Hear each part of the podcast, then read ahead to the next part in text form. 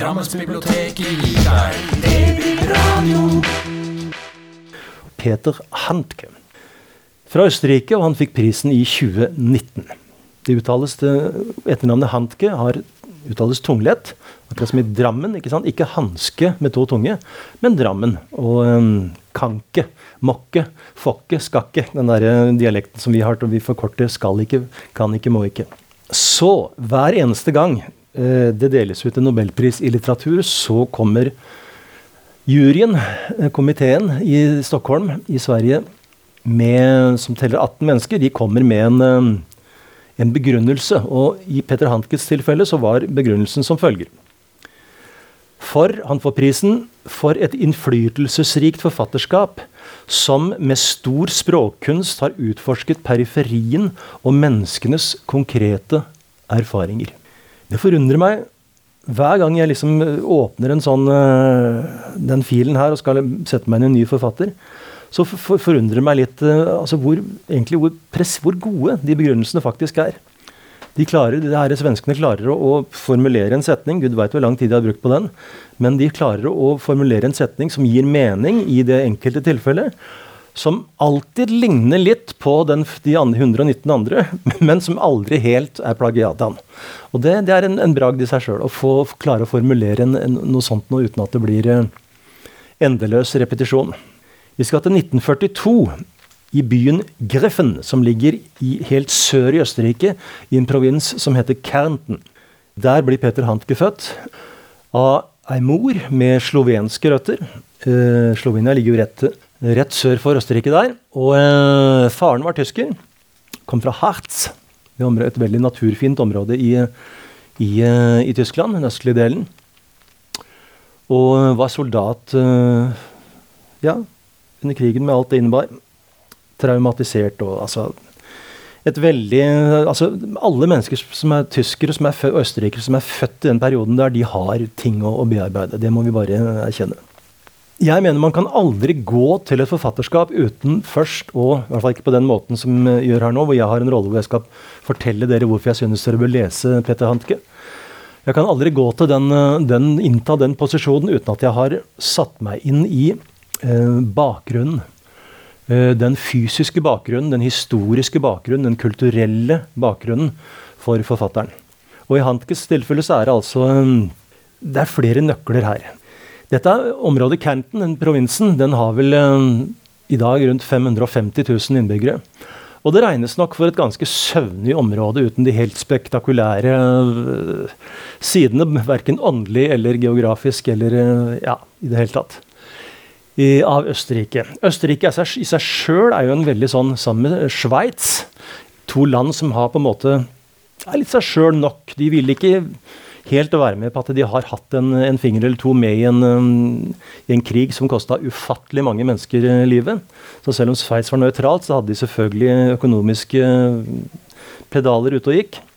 Og uh, Østerrike var en nasjon som ja, i 1889, 25. april var det vel, 26., så ble det jo født en, en viss herre der som hadde en med bart. Etter hvert fikk bart da han ble voksen, som hadde en ganske viktig rolle. Så, men det er liksom ikke det er ikke noe tema at Hitler var østerriker. Han var tysker, han. Så sånn er det. De klarer å liksom dytte det vekk. Hvis man, hvis man har altså hovedstaden i den, eller ja, det heter vel det regionshovedstaden i Canton, det er jo Klagenfurt. Klagenfurt som du sier. Og hvis du ser et intervju på TV med et par som sier at um, Wir haben uns auf einem Campingplatz in Klagenfurt getroffen. Da veit du ganske sikkert at dette her er mennesker som ikke er liksom uh, aktivt søker uh, store eventyr og uh, utfordringer. De er veldig fornøyd med hvordan livet er der nede i Klagenfurt, hvor de cirka troffen haben. Det er et, jeg vet ikke, Nå skal ikke jeg begynne å dra pendanter og paralleller til Norge, det, det er, det er sjofelt, men dere skjønner hva jeg mener midtre, den midtre delen av Europa, Syd-Tyskland, Sveits, Østerrike, de har jo noen voldsomme fjellmassiver. Og det er litt sånn at den befolkningen som lever der, de, de er veldig seg sjøl nok. Og det tror jeg nok, altså De sitter her ikke sant, og, og spiser nykjernet smør fra økologiske kuer som går ut og gress, gresser på helt saft, sånne saftiggrønne enger med massevis av deilige gule blomster. Og det, det, er liksom, Livet er ganske fint der, men ikke, ikke bry oss med alt annet som skjer. Det er, det er en del av Det er klisjeen, men den har, bak enhver klisjé så ligger en, en del sannhet, faktisk. Og det er utgangspunktet for denne gutten Peter, da, som kommer til verden der. Med tysk far og eh, halvt slovensk eh, mor. Peter Hantke utdanna seg til jurist. Han uh, studerte vel i Graz og Salzburg, så vidt jeg husker. Uh, men han skjønte nok tidlig at det var, at det var forfatter han skulle bli. Han blei veldig tidlig klar over det der kraften i språket. Og det er faktisk ikke så tilfeldig at jurister blir det. Hvis dere tenker dere om, altså jurist, Er det noe jurister virkelig kan, så er det å skrive presist, logisk. Opp, altså Når de lager, et, lager en prosedyre, enten du er aktor eller du er forsvarsadvokat, en plédoyer, en prosedyre, som heter på tysk, ja, så er det en, en så er det altså et, et, skrift som virkelig må henge sammen. Og det lærer en jusstudent som eh, går den veien. ikke sant? Så uh, det å lese juridiske uh, utlegninger, det er faktisk for en forfatter så er det faktisk ganske interessant. fordi at det er, språket er, kan, Hvis det er godt, så er det uhyggelig presist. Så det er deilig å se mennesker som kan håndtere det håndverket veldig godt. Og det lærte jo da unge, unge Hantke under sine studier. Noe annet han gjorde som var veldig som jeg beit meg merke i da jeg, etter jeg har sett masse intervjuer. Det ligger mye på YouTube. Man må kunne tysk, men uh, kan man det, så har man et vell av informasjon å hente. Uh, da han studerte, så gikk han omtrent daglig på kino. Han så film. Jeg har hatt film geguckt. Og det var en, en, en greie han, liksom, han, Det fortellerspråket til filmen. Når man, man, skriver, så må man drysse og dele ut all informasjon. Hvis jeg skulle skrevet om en mann som sitter på en scene og snakker til en forsamling, så måtte jeg ha skrevet farger, lys, eh, bakgrunn, forgrunn. Eh, jeg måtte ha gitt uh, informasjoner som, som har med, med, atmosfæren å gjøre, for å få liv i det. På film så trenger du ikke si et jævla ord. Du kan bare tsk, start opptak, så går går det der. Og den måten å tenke på, den filmiske måten å tenke på, den, den har jeg helt klart gjenkjent i, i alt Hanke har, som jeg har lest av Hanke nå de, de siste ukene. Seks-sju bøker.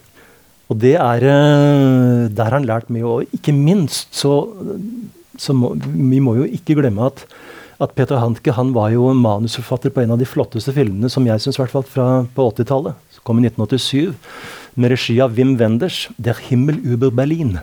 Den er Hanke som har, har manuset på. Uh, 'Wings of Desire' på engelsk. På norsk.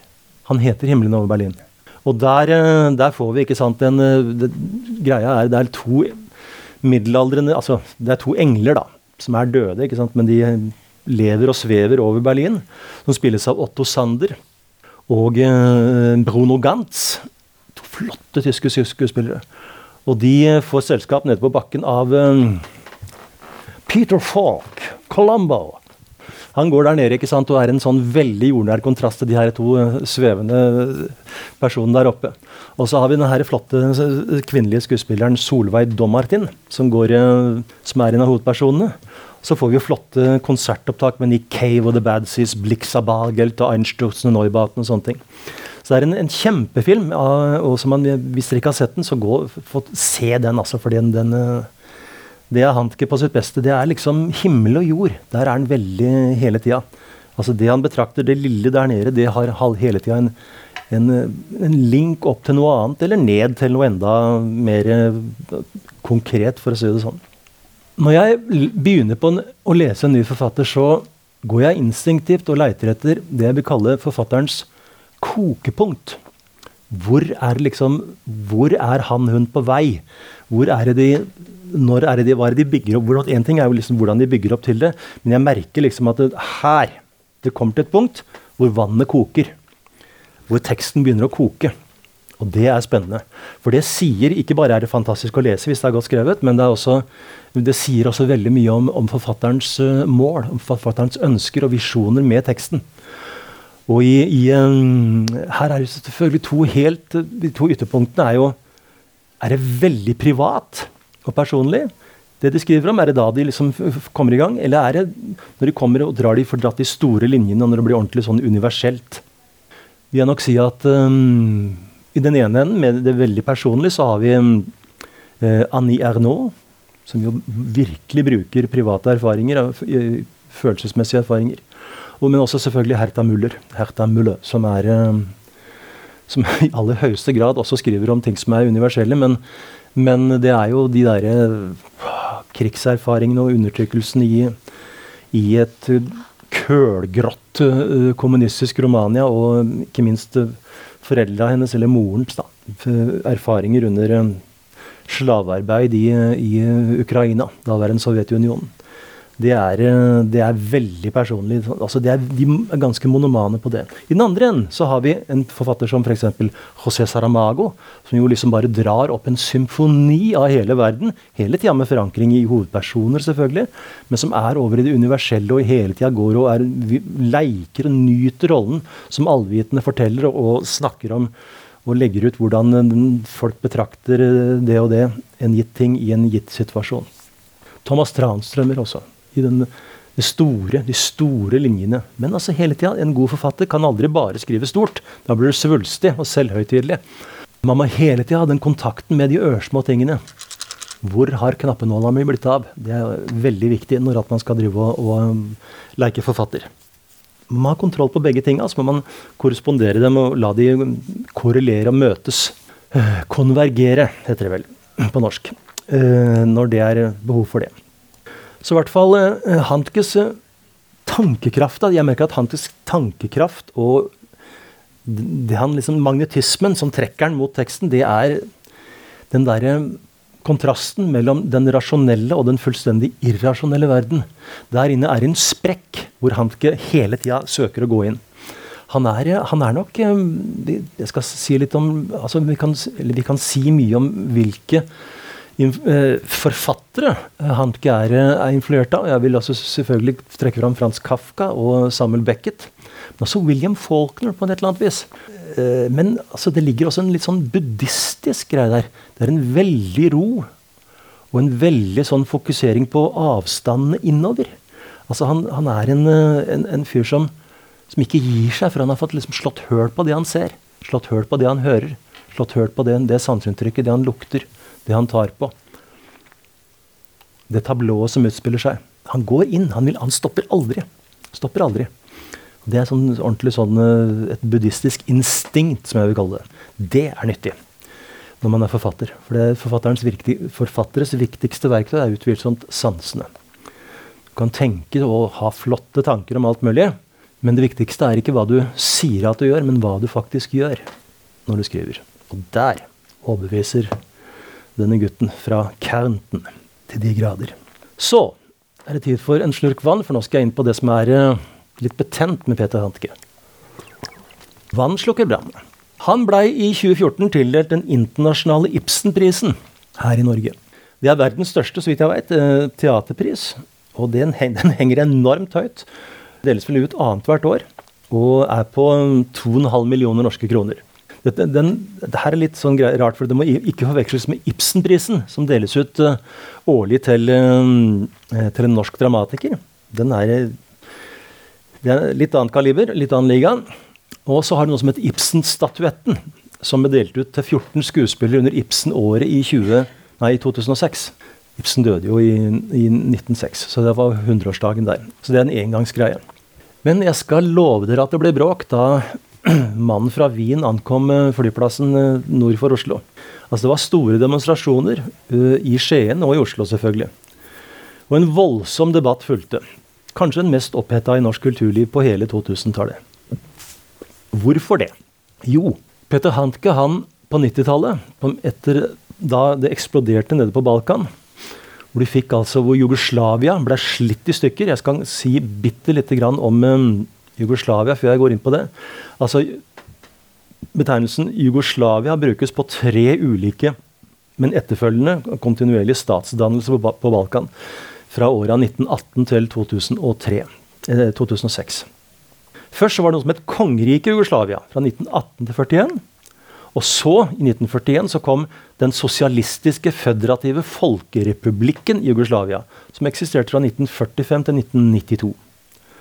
Så, Deretter kom forbundsstaten Jugoslavia, som bestod av Serbia og Montenegro, som varte fra 1992 til 2003.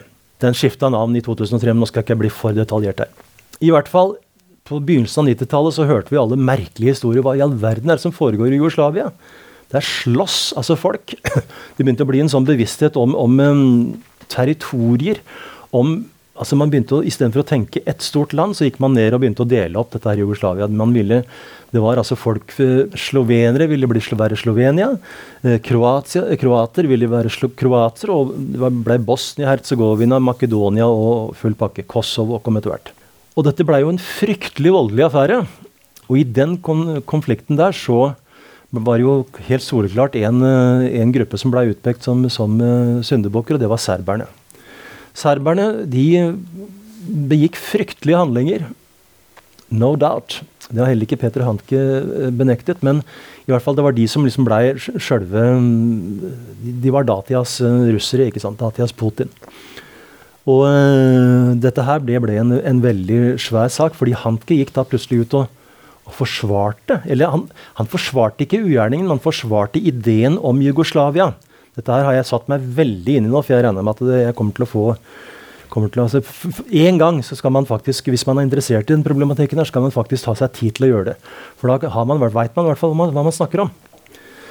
Uh, det er liksom som den andre store kulturdebatten vi har hatt i, i Norge, litteratur. da. Litteraturdebatten vi har hatt i Norge etter, uh, etter år 2000, er jo den såkalte virkelighetslitteraturen.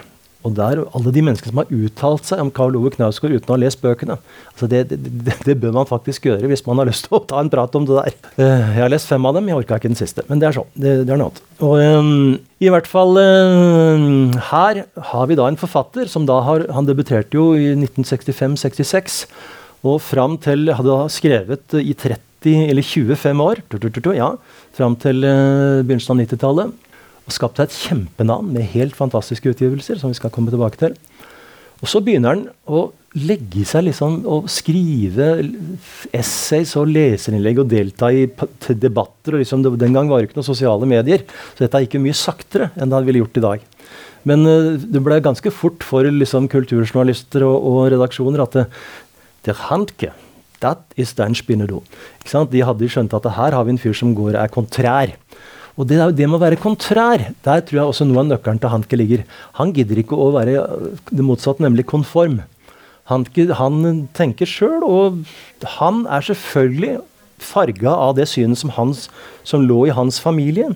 Med at altså, moren, den slovenske moren, og ikke minst morfaren hans, moras far, han var Han stemte den gangen på, i 1920 så stemte han for den statsdannelsen, det store Jugoslavia, kongeriket Jugoslavia. Det var hans greie. Og det, det, er veldig, ofte veldig banale ting som ligger til grunn for uh, folks meninger og syn i sånne politiske spørsmål. Nemlig at de har en, uh, har en far eller en mor eller en familie som har uh, slagside på den ene sida. Og den slagsida bringer selvfølgelig Hanke med seg inn i den voldsomme greia som skjer på 90-tallet, hvor at det, det, slaktes ned folk for fote. Hvor serberne selvfølgelig er verst, men det, det skal absolutt sies at de ikke var aleine om å ta livet av uh, uskyldige mennesker. Og selvfølgelig så har du bakgrunnen her sånn, og det er at Balkan har jo alle år, altså i århundrer, så har dette her vært et, eh, et område som har gått skifta liksom eie mellom ulike stammer og krigsherrer og, og, og sånt noe.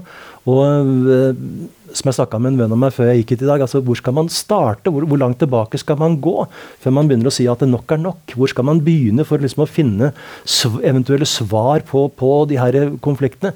Og skal man overhodet orke å gjøre det? Hvor mye tid skal man bruke på sånne ting?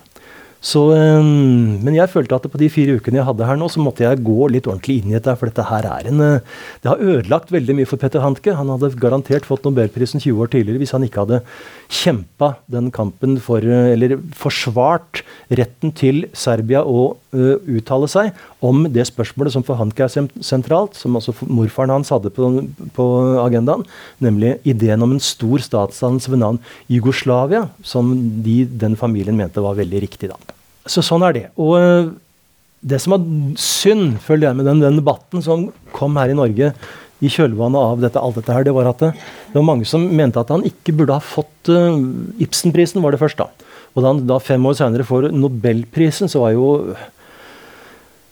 var jo enda verre. Og da mener jo var en, en del som mente at ja, men du kan ikke Hvorfor i all verden Greit, han har skrevet fantastiske bøker, men man kan da for faen ikke drive og, og liksom gi en nobelpris til en fyr som har liksom uh, forsvart sånne uhyrlige handlinger, osv., osv. Ja, jeg har sittet i, i, i uh, styret for Norsk Penn i seks år. Og jeg har jeg har, kan ikke se én grunn til at ikke folk skal få lov til å si hva de mener. For at det er noe vi trenger i et demokrati, så er det faktisk det.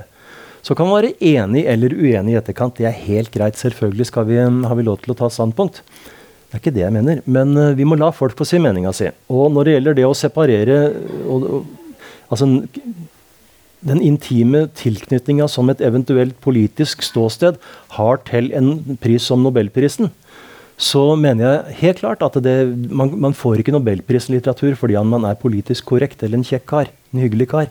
Det, det, det, er ikke det det går på. Det ligger et, et verk der.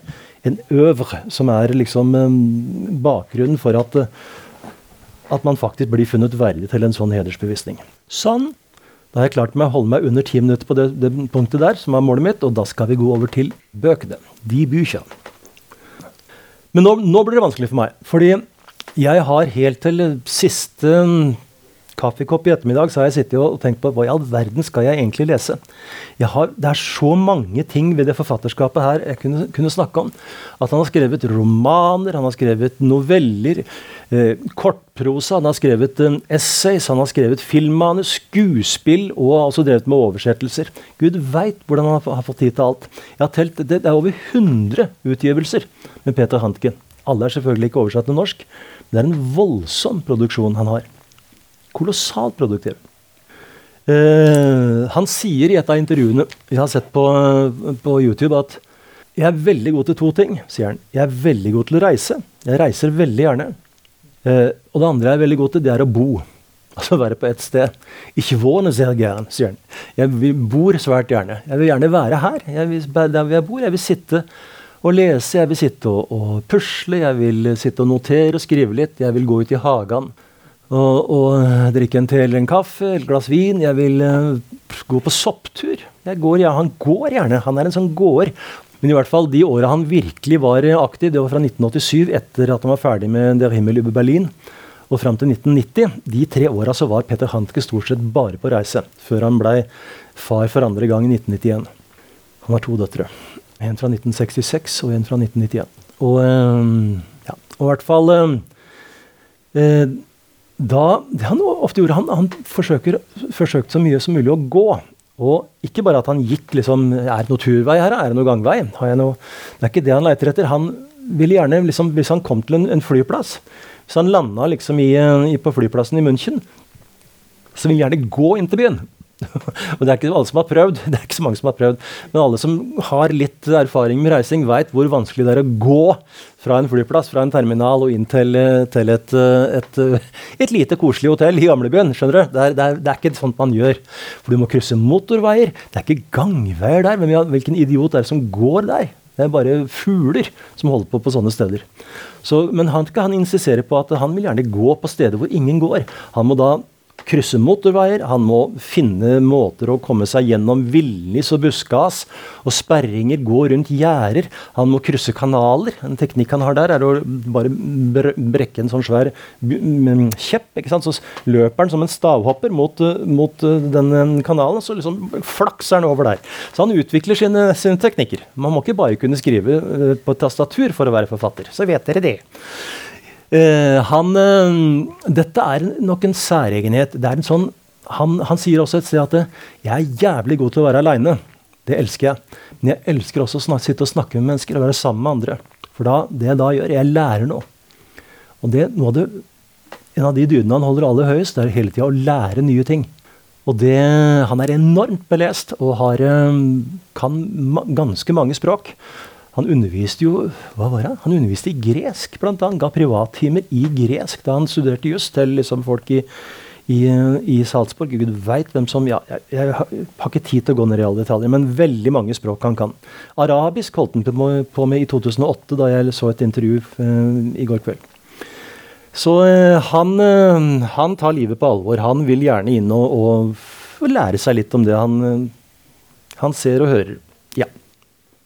Men i hvert fall oh, Ja, det er, det er, veldig vanskelig, for det er så mye bra.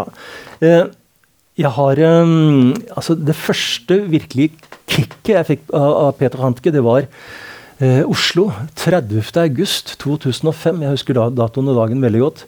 Da var vi og så på Nationaltheatret og så et uh, tidlig teaterstykke av, av uh, Hantke som heter 'Publikumsbeschimpfung', altså publikumsutskjelling. Har dere hørt om det? Det er et, uh, et utrolig stykke. Det, det, kan dere oppleve på engelsk. Det ligger på, på, på YouTube på engelsk. Hvis dere ikke har villet ta tysken. Men det er, det er fire skuespillere som det er, bare, det er ikke liksom replikker og sånn i den forstand, vanlig tradisjonell forstand, men det er altså en såkalt teatertekst, hvor fire skuespillere kommer på scenen, og så begynner de å, istedenfor å, liksom, å spille et spill som da dere, eller vi i salen, skal sitte og nyte, så er det da en De begynner å kommentere publikum. Publik, kommentere publikums sko, slips, klær, frisyrer, vesker, Hvorfor sitter han der og ikke der? ikke sant? Og De begynner liksom å gå inn i detaljer i, i, i folks, i publikummet som de, de, har der. De ironiserer, de amuserer, og de kaster ut påstander og, og antagelser. Dette, dette, bygger seg opp, Det blir en enorm energi i rommet. Folk begynner jo å le, ikke sant? og noen syns det er litt pinlig. Men de aller fleste syns det er, er, faktisk veldig spennende, fordi at alt blir snudd fullstendig på huet. Og, um, så det var et, det er 18 år siden, og det var en, en stor opplevelse å se. Um, ei bok jeg aldri hadde lest av Handker, var den her, som er fra 1960, 1966. Den er de første han, han, ga ut. Nei, 1970. Er den så til? Så, ja. I hvert fall um, um, Den heter mål, på norsk 'Målmannens angst', målmannens angst ved straffesparkmerket. Uh, det er en um, det, det er en veldig merkelig bok. Fantastisk å skrive den på originaltittelen 'Die Angst des Tormanns beim Elfmeter'. Og her er det altså Det er en fyr Vi kan lese åpningssetningen. Det er en, en mann, hovedperson, som heter Josef Bloch. Han er montør. Og den første setningen lyder så her. Da montør Josef Bloch som hadde vært, vært, en kjent målmann før i tiden, meldte seg, meldte seg, på jobben den formiddagen, fikk han beskjed om at han hadde fått sparken. I hvert fall var det bare arbeidsformannen som kikket opp fra matpakken da Bloch viste seg i døren til brakken hvor arbeiderne akkurat satt, og Bloch mente han forsto hva det betydde, og forlot byggeplassen. Det er starten. Der er vi. Er ikke verre enn det, men samtidig Ja, og så hva så, liksom. Men så dette her bygger seg liksom det blir, Man aner liksom det er en sånn litt sånn kriminalromanstemning i den teksten her. Uh, det, er ikke, det, er ingen lang tekst, den er på 100 120 sider. Men du verden hvor mye som sies. Men det som frustrerte meg litt da jeg leste den først, det var at det, det var tilsynelatende ikke noe Det var bare småting. Det var liksom bare en sånn pumping av detaljer.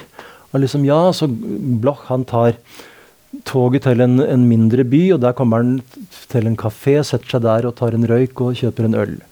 Og så går han ut, og der ser han noen eh, mennesker som står der ute, og så er det en bil som står der. Altså, det kommer masse sånne småting som egentlig Ja, fint det. Men hva så? Fordi at det gir seg liksom ikke Det er ikke halvannen side med etablering av atmosfære. Dette fortsetter. I side på side. 10 sider, 20 sider, 30 sider. Så kommer det da plutselig, når du har kommet inn i den veldig monotone, liksom, uh, halvsøvnige rytmen til Hantke, så eh, treffer han eh, Ja, han treffer, sjekker ei dame, og de tilbringer en natt sammen på hotellrommet hans. Dama er billettselgerske på en kino. Og eh, når hun skal gå om morgenen, så legger han hendene rundt halsen hennes og kveler henne. Ja vel. Uh, men istedenfor liksom å dvele ved det, et mord, et drap, så fortsetter bare Hanke å male på. Blokk åpnet vinduet og så ut, og der, der sto det avgiftsgutten og solgte. Liksom. Det, det, bare fortsetter i den her monotone greia. Men etter hvert så, så, blir dette, du blir ganske sånn frustrert. at det, alt dette, det er skjedd en forferdelig hendelse, og den er totalt underkommunisert i teksten.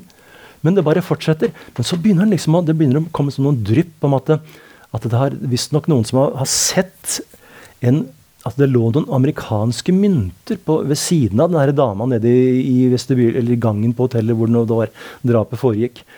Og, eh, og, det var altså, det viser seg at, det, at det, også har noen, noen, sånne amerikanske mynter på seg. Noen sånne Hva heter det? Sendt, Ja. Og um, så det, begynner, og det, liksom det, kommer ut et eller annet i avisene med at det, det, politiet har begynt å få noen spor. Så men så kommer det et dødsfall til.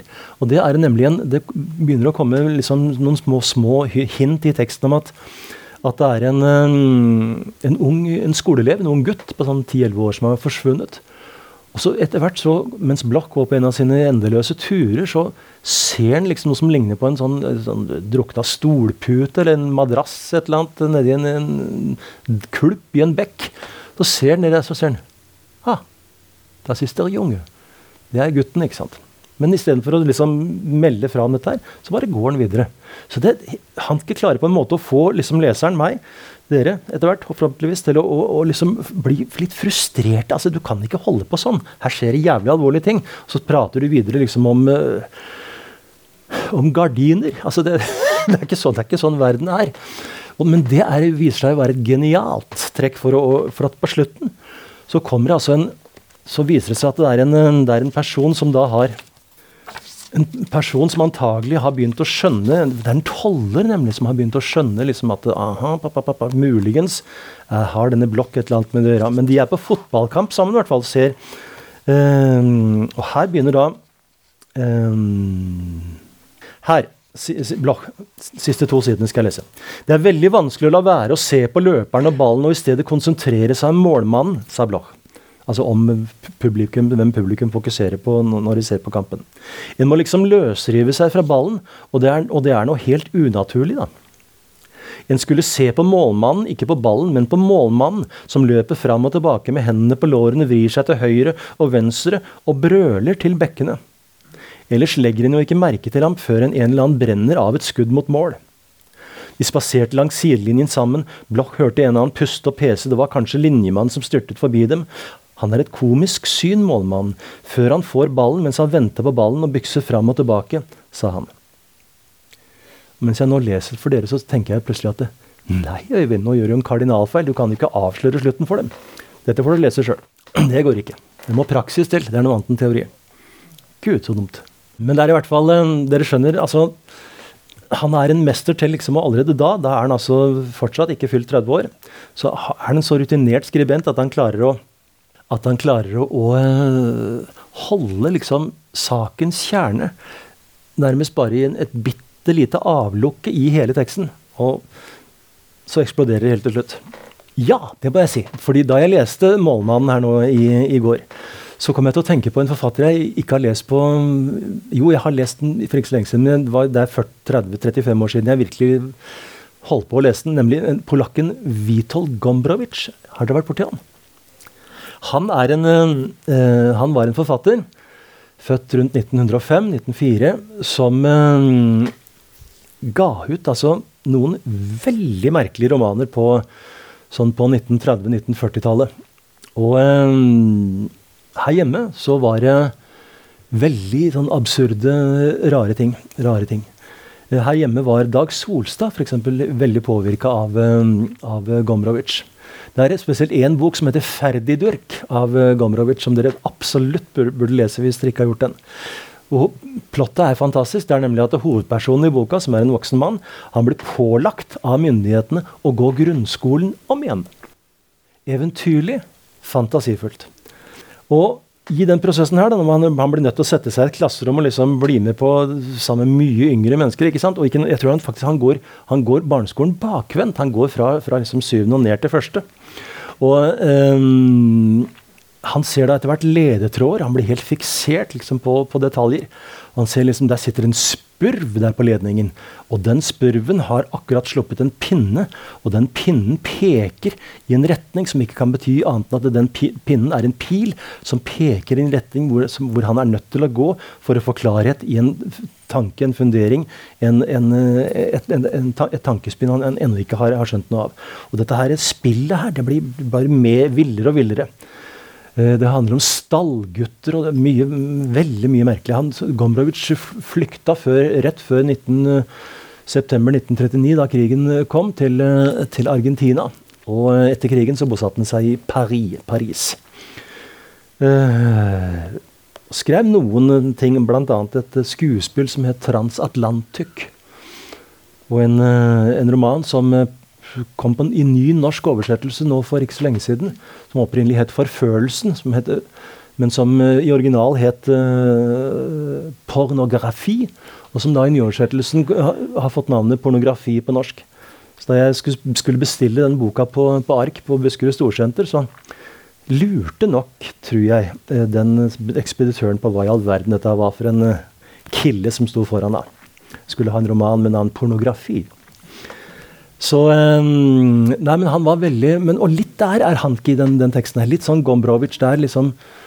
Han, han, han leker med leseren. Han veit så inderlig godt at vi forlanger noe mer ut ifra de tinga han har introdusert. Et drap og en, eh, et forsvinningsnummer, ikke sant. Men det, grunnen til at, at Gombrowicz ble så, og også Hanke ble så populære på så oppmerksom, Hva heter det? At de, de fikk så mye oppmerksomhet på 60-tallet, var nok eh, pga. noe som lå veldig i vinden der og da, nemlig samfunnets fremmedgjøring. Det, en, eh, det var veldig altså, Man oppdaga liksom at man eh, hadde vært gjennom den her krigen. Så begynte man å bygge opp, og så ble det liksom industri og industriell velstand. Men altså, alt ble liksom redusert til maskineri. Mennesker ble maskiner. Og det, den der, der den, på den bagen der havna også Handke. Eh, og så har vi den her, da. 'Kravløs ulykke'. For en tittel. 'Kravløs ulykke'. Den heter på tysk 'Wunschloses Unglück'. Eine Erzählung. Eh, kom i 1972. og Den handler om selvmordet til mora hans. Hun begikk nemlig selvmord. Mora var en person som uh, hadde rett og slett bare en uh, Hun levde innenfor strengt opptrådte, oppgåtte rutiner. Eneste målet hun hadde, var å ha en familie Pleie den, oppdra barn, sørge for mat og et rent hus. Det var liksom ingenting mer. Men det var tydelig at mora savna et eller annet. Og, um, og i denne her, eh, historien her, så den var, den var, den var veldig sterk. For der er, der fungerer, der er ikke, han, han ikke ironisk i det hele tatt. Det handler tross alt om mora hans og en vond skjebne. Fæl skjebne. Men der er han, han veldig altså Uten liksom å, å gå til å bruke en, sånne eh, adjektiver innafor hva vi kan kalle empatien, så viser han med det, som, eh, det han, skriver, han, skriver, med de opptegnelsene han, eh, han gjør, så viser han hvor um, sterkere og sterkere hvor fælt mora hadde det. Hvordan hun til slutt, på en helt elegant og renslig måte, tok livet sitt med noen sovetabletter. ikke sant, og Hadde sørga for alt. og Det var varm mat på bordet. liksom, ingen, ingen, ingenting, ingenting var gærent. Skulle ikke komme her og, og snakke stygt om henne i ettertid, liksom. Hun skulle bare dø, hun.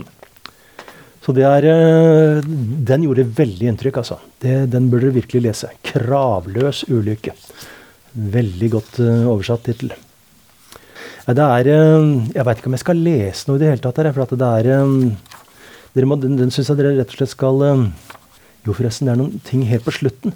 Han skriver Han skriver um, han skal he, he, hele livet sitt har han skrevet med blyant. Han har gjort opptegnelser. Han har notater. Det gjør han alltid når han er ute på reise. Det gjør han alltid når han er hjemme, når han er ute i skauen og, og, og, så videre, hvor han enn er på kafeer. Han sitter og opptegner. Og helt på slutten så det, har han gjengitt en god del not notater eh, som, eh, som aldri, man aldri rakk å skrive ut i boka. Som han fant irrelevante, men som han følte var såpass hva skal vi si, pregnante at de fortjente å stå der. Hør på det her. For noen år siden hadde jeg planer om å spille inn en eventyrfilm med alle familiens medlemmer. Den skulle ikke ha noe personlig med dem å gjøre. Neste. Da hun var barn, altså moren, var hun månesyk. Nettopp på ukedagene for hennes død ble den første tiden hennes dødsvær særlig levende for meg. Smertelig grudde det av morgen og mørke hver, og, og, grudde det av morgen og mørknet hver eneste fredag. Den gule landsbygatebelysningen i nattetåka. Skitten snø og kloakkstank. Armene over kors i fjernsynsstolen. Det siste draget i klosettsnoren. To ganger. Flott? Fantastisk. Fantastisk. Åh, åh. Ofte under arbeidet med fortellingen har det falt meg inn at det ville stemme bedre overens med kjensgjerningene om jeg skrev om musikk. Sweet New England. Neste. Det finnes kanskje nye uanede former for fortvilelse som vi ikke kjenner, uttalte en landsbyskolelærer i kriminalserien Førstebetjent Kella. I alle jukeboksene i landsdelen fantes det en plate som hette Livsledepolka. Hun tok sin hemmelighet med seg i graven. I en drøm så jeg henne plutselig med et nytt ansikt, men også det var allerede temmelig utbrukt. Hun var glad i mennesker. Her igjen et meget lyst innslag. Jeg drømte at jeg utelukkende så ting som det var meg en uutholdelig pine å se på. Plutselig kom en eller annen og fjernet rett og slett det pinefulle fra tingene, som et anslag som ikke har noen betydning lenger. Sammenligningen var også bare noe jeg drømte. I sommer besøkte jeg en gang min bestefar på rommet hans og kikket ut av vinduet. Det var ikke stort å se.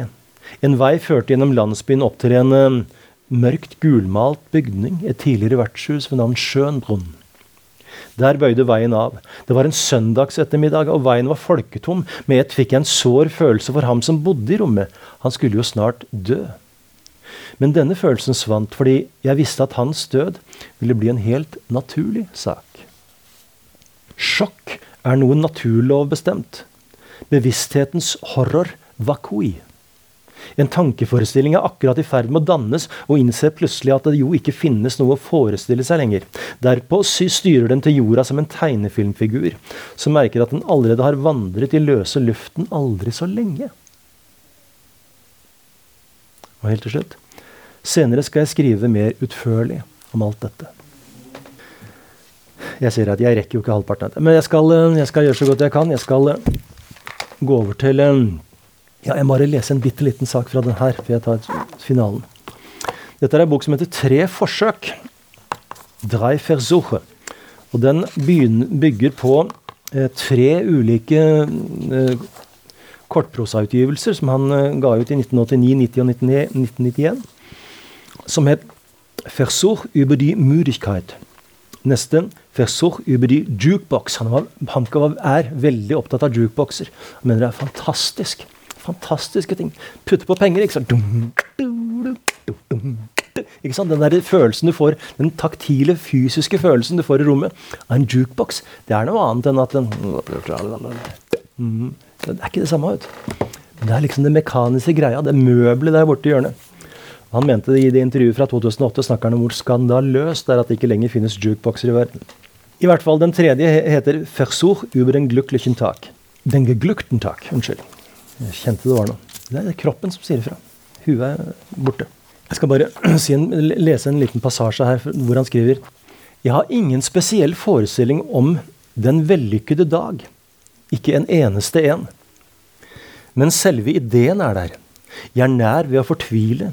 Hvordan skal jeg på begripelig vis forme bildet, få mønsteret til å tre fram, trekke opp den lysende linjen, grunnlaget? Det var jo det som var hensikten. Å fortelle enkelt og forståelig om min dag. Men ideen er det eneste som foreligger, og dermed kan jeg ikke fortelle om annet enn ideen. Jeg vil gjerne berette om en idé. Hvordan kan man berette om en idé? Det kom som et støt. Parentes, man be bebreider meg stadig at dette ordet er stygt. i Men det kan ikke erstattes med et annet. Ikke her heller. Støt. Det ble lyst. Det løste seg. Det rørte ved min sjel. Det vibrerte. Det pusta varmt. Det lysnet. Det grydde av dag da dagen var slutt. Nei. Ideen nekter å bli fortalt. Den viser meg ikke noe bilde jeg kan redde meg inn i, og dog var den, var den levende, mer intens levende enn noe bilde, noen forestilling noensinne. Alle kroppens sanser ble til fortettet energi. I det betød bildet fantes ikke, det eneste som fantes, var lyset. Nei. Denne ideen innebar så visst ikke noe tilbakeblikk på eventuelle glade barndomsdager. Den lyste meg fram inn i framtida. Og derfor kan jeg bare fortelle om den, hvis det i det hele tatt lar seg gjøre, i fremtidsform. Det vil bli en futurumfortelling, omtrent slik. På den vellykkede dag vil det gry av ny dag midt på dagen. Jeg vil komme til å oppleve et støt, et dobbelt støt, ut av meg selv og inn i meg selv, inn i mitt aller innerste vesen.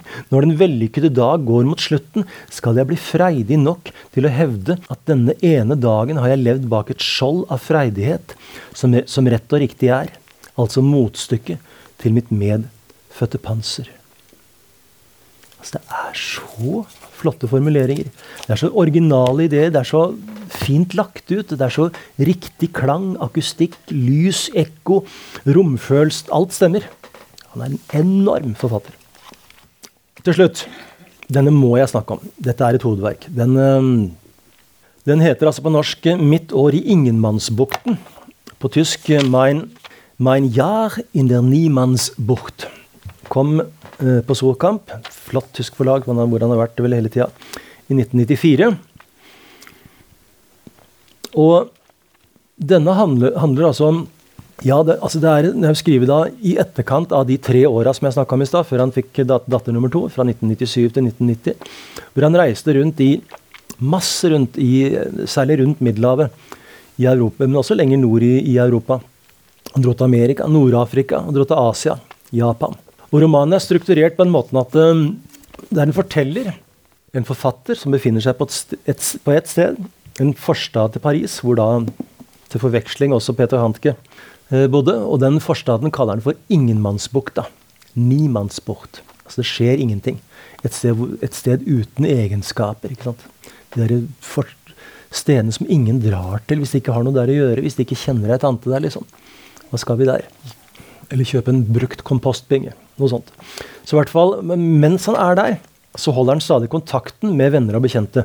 Husk at dette er skrevet i 19, på 1992-93. Før Internett. Ikke, snakker ikke om sosiale medier, men det er før Internett, det er før mobiltelefoner. Hva gjorde man? Jo, man sendte telefakser, eller man sendte Telex, eller man skrev brev. Det er måten han holder kontakt med. Det er sju venner av ham som reiser rundt uh, i verden. Det er en pastor, det er en, en musiker, det er en ditt og datt, en skuespiller, mange forskjellige en håndverker osv. De, de er på reise over store deler av kloden. Typisk altså i de stedene hvor Hanke sjøl i, var i åra 97 93. Og Zuhause hat, hvor han, som han sier, han hadde ikke noe, jeg hadde ikke noe egentlig hjem, jeg bare reiste. Og på sett og vis oppdaga at alt, alt er hjemme. Men hør på jeg må, jeg må, lese litt fra åpningen her før vi gir oss, altså, for det er eh, Dette er en flott bok. Dette er en flott bok. Hittil har jeg bare opplevd én eneste forvandling i mitt liv. Før den inntraff, hadde den bare vært et ord for meg. Og da den kom, ikke litt etter hvert, men med ett slag, trodde jeg først det var ute med meg. Der er vi. Med en gang så er vi der. Den rammet meg som en dom til døden. Plutselig var det ikke lenger et menneske der jeg hadde befunnet meg, men et utskudd som i motsetning til den berømte grotesken fra det gamle Praha ikke hadde mulighet til å redde seg inn i bildet. Bilder, unnskyld, det er ganske små skrift her, om enn skrekkelige bilder. Forvandlingen kom over meg uten bilder, den var som et kvelertak. Delvis ble jeg lammet. Delvis fortsatte jeg å leve som om intet var skjedd. En gang så jeg en fotgjenger som ble kastet til værs av en bil. Bak bilpanseret landa han på beina og vandret videre som ingenting. Ikke sant? Dramatiske endelser. Bare gå videre. Det, det, gir en flott effekt, altså. Um, vandret videre som ingenting. Han gikk i hvert fall et par skritt. Og så var det min sønn.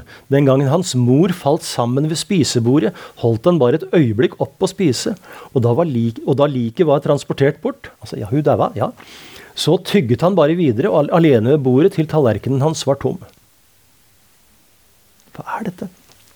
Og jeg selv, da, den gangen i fjor sommer da jeg falt ned fra en stige ha, Jeg klatret straks opp igjen, gjorde i hvert fall et forsøk. Og jeg selv igjen, så seint som i forgårs, barberkniven spratt fram og skar et dypt kutt, skar nesten pekefingeren av meg, blottet vev og kjøtt helt inn til beinet et øyeblikk, og jeg holdt hånden under springen og ventet på blodstrømmen mens jeg, så rolig som bare det, pusset tennene med den andre hånden. Altså Jeg har aldri lest noe lignende. Dette er, eh, dette er veldig altså, Det er ikke bare at det er, det er rare konstellasjoner av, av, av, hendelser på mikroplan, men er, altså, språkbruken er så vanvittig flott. Og når jeg, når jeg som leser får bli presentert en sånn åpning, da er jeg solgt. Da må vi, må vi videre. Den epoken i mitt liv var, i mitt liv var, i mitt liv, livet mitt, var preget av det daglige frem og tilbake mellom håpløshet og innbitt arbeid. Verken før eller seinere har jeg opplevd stunder med slik fullkommen ro. Og mens dagene gikk og jeg levde videre, i panikk eller sto i skrå, ble fenomenet forvandling mer og mer tydelig. Det trådte i stedet for slutten, som riktignok ennå av og til la et kvelertak om strupen. Men viss forvandling. Hva slags forvandling? Det eneste jeg foreløpig veit, er jeg opplevde en forvandling den, den gangen. Den har vært mer fruktbar enn noe annet som har hendt meg. I mange år har jeg tæret på den tiden, stadig med en ny appetitt. Intet i verden kan ta forvandlingens frukt fra meg. Etter den veit jeg hva eksistens er. Jeg kunne fortsatt til klokka to i natt, men klokka er slagen.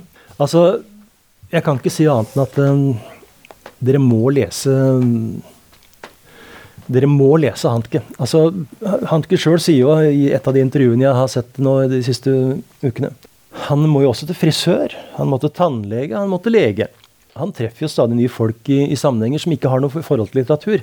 Og når liksom de, han ble Etter hvert ble mange som kjenner han igjen. Og når disse da spør Spør meg, sier Hanke. Uh, ja, jeg hører de har fått nobelprisen, litt, altså den stilen der. De er en meget kjent forfatter. Er det noen, noen av bøkene du vil anbefale at jeg starter med? Og det, synes, det spørsmålet er det verste han kan få.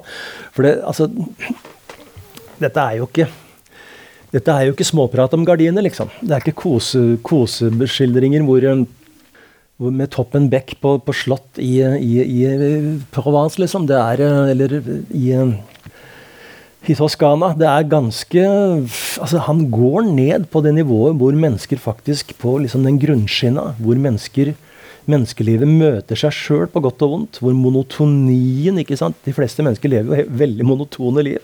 Spesielt forfattere. Og, um, og det er um, Det er det Hanke tar tak i med sin buddhistiske, kafkaske, becketske tilnærming til, til stoffet. At han ser inn i fenomener, han forsøker å åpne avstanden innover. Drar det ut og ser på det. Det er ikke underholdningslitteratur. Det er, det er som jeg har sagt her tidligere. altså Et av måla mine med den serien her i de, i de to semestrene her nå, har nettopp vært det at dere skal at det, livet er ikke ubegrensa langt vi, hvis vi liker å lese, så lag en prioritering. Hvilke bøker er jeg absolutt vil lese før jeg skal, eh, skal forlate denne planeten? For de kan være sikre på at dere kommer til å jeg også, vi kommer til å forlate denne kloden dypt ulykkelig over alle de fantastiske bøkene vi aldri rakk å lese. Det er veldig sant. Så i hvert fall det jeg pleier å si les bøker med proteiner. Kutt ut de karbohydratene. Det er um, røverhistorier og, og detektivgreier, altså det krim, det Ja, ja, ja, selvfølgelig har man behov for bare liksom å ikke tenke i det hele tatt. Les det for all del. Jeg skal ikke si hva dere skal lese eller ikke. Men mitt mål med den serien her har vært, å, og biblioteket, har vært at vi skal inspirere til å lese ordentlige ting. At vi har en altså et, et annet av de postulatene vi har, er jo at eh, jeg og ei bok er en fest. Jeg og ei bok og en kopp kaffe er en orgie. For det er det. Å lese Peter Handke er en orgie. Det skal jeg virkelig love dere. Det er fantastiske, fantastiske ting. Man får lære noe om livet, man lærer noe om, om verden. Om seg sjøl. Jeg har sjelden blitt så inspirert til å, å gå ut og, og, møte en ny dag som når jeg har, har sovna om kvelden med en roman av Peter Handke i, på, på, på brystkassa. Han er eh, en sann inspirator fordi han er en utrolig språkkunstner og et veldig intelligent menneske som har i, Når han er forfatter, når han er politiker, så er, er alle slett ikke enig i at han er det, men uh, det er ikke det vi skal snakke om. Det var en bisetning som jeg ikke kunne overse. Det ville bli feil. Men i hvert fall hovedbudskapet er at les, les Handke. Dere har 100 utgivelser å gå til, og det Dere trenger ikke lese alle. Takk for i dag.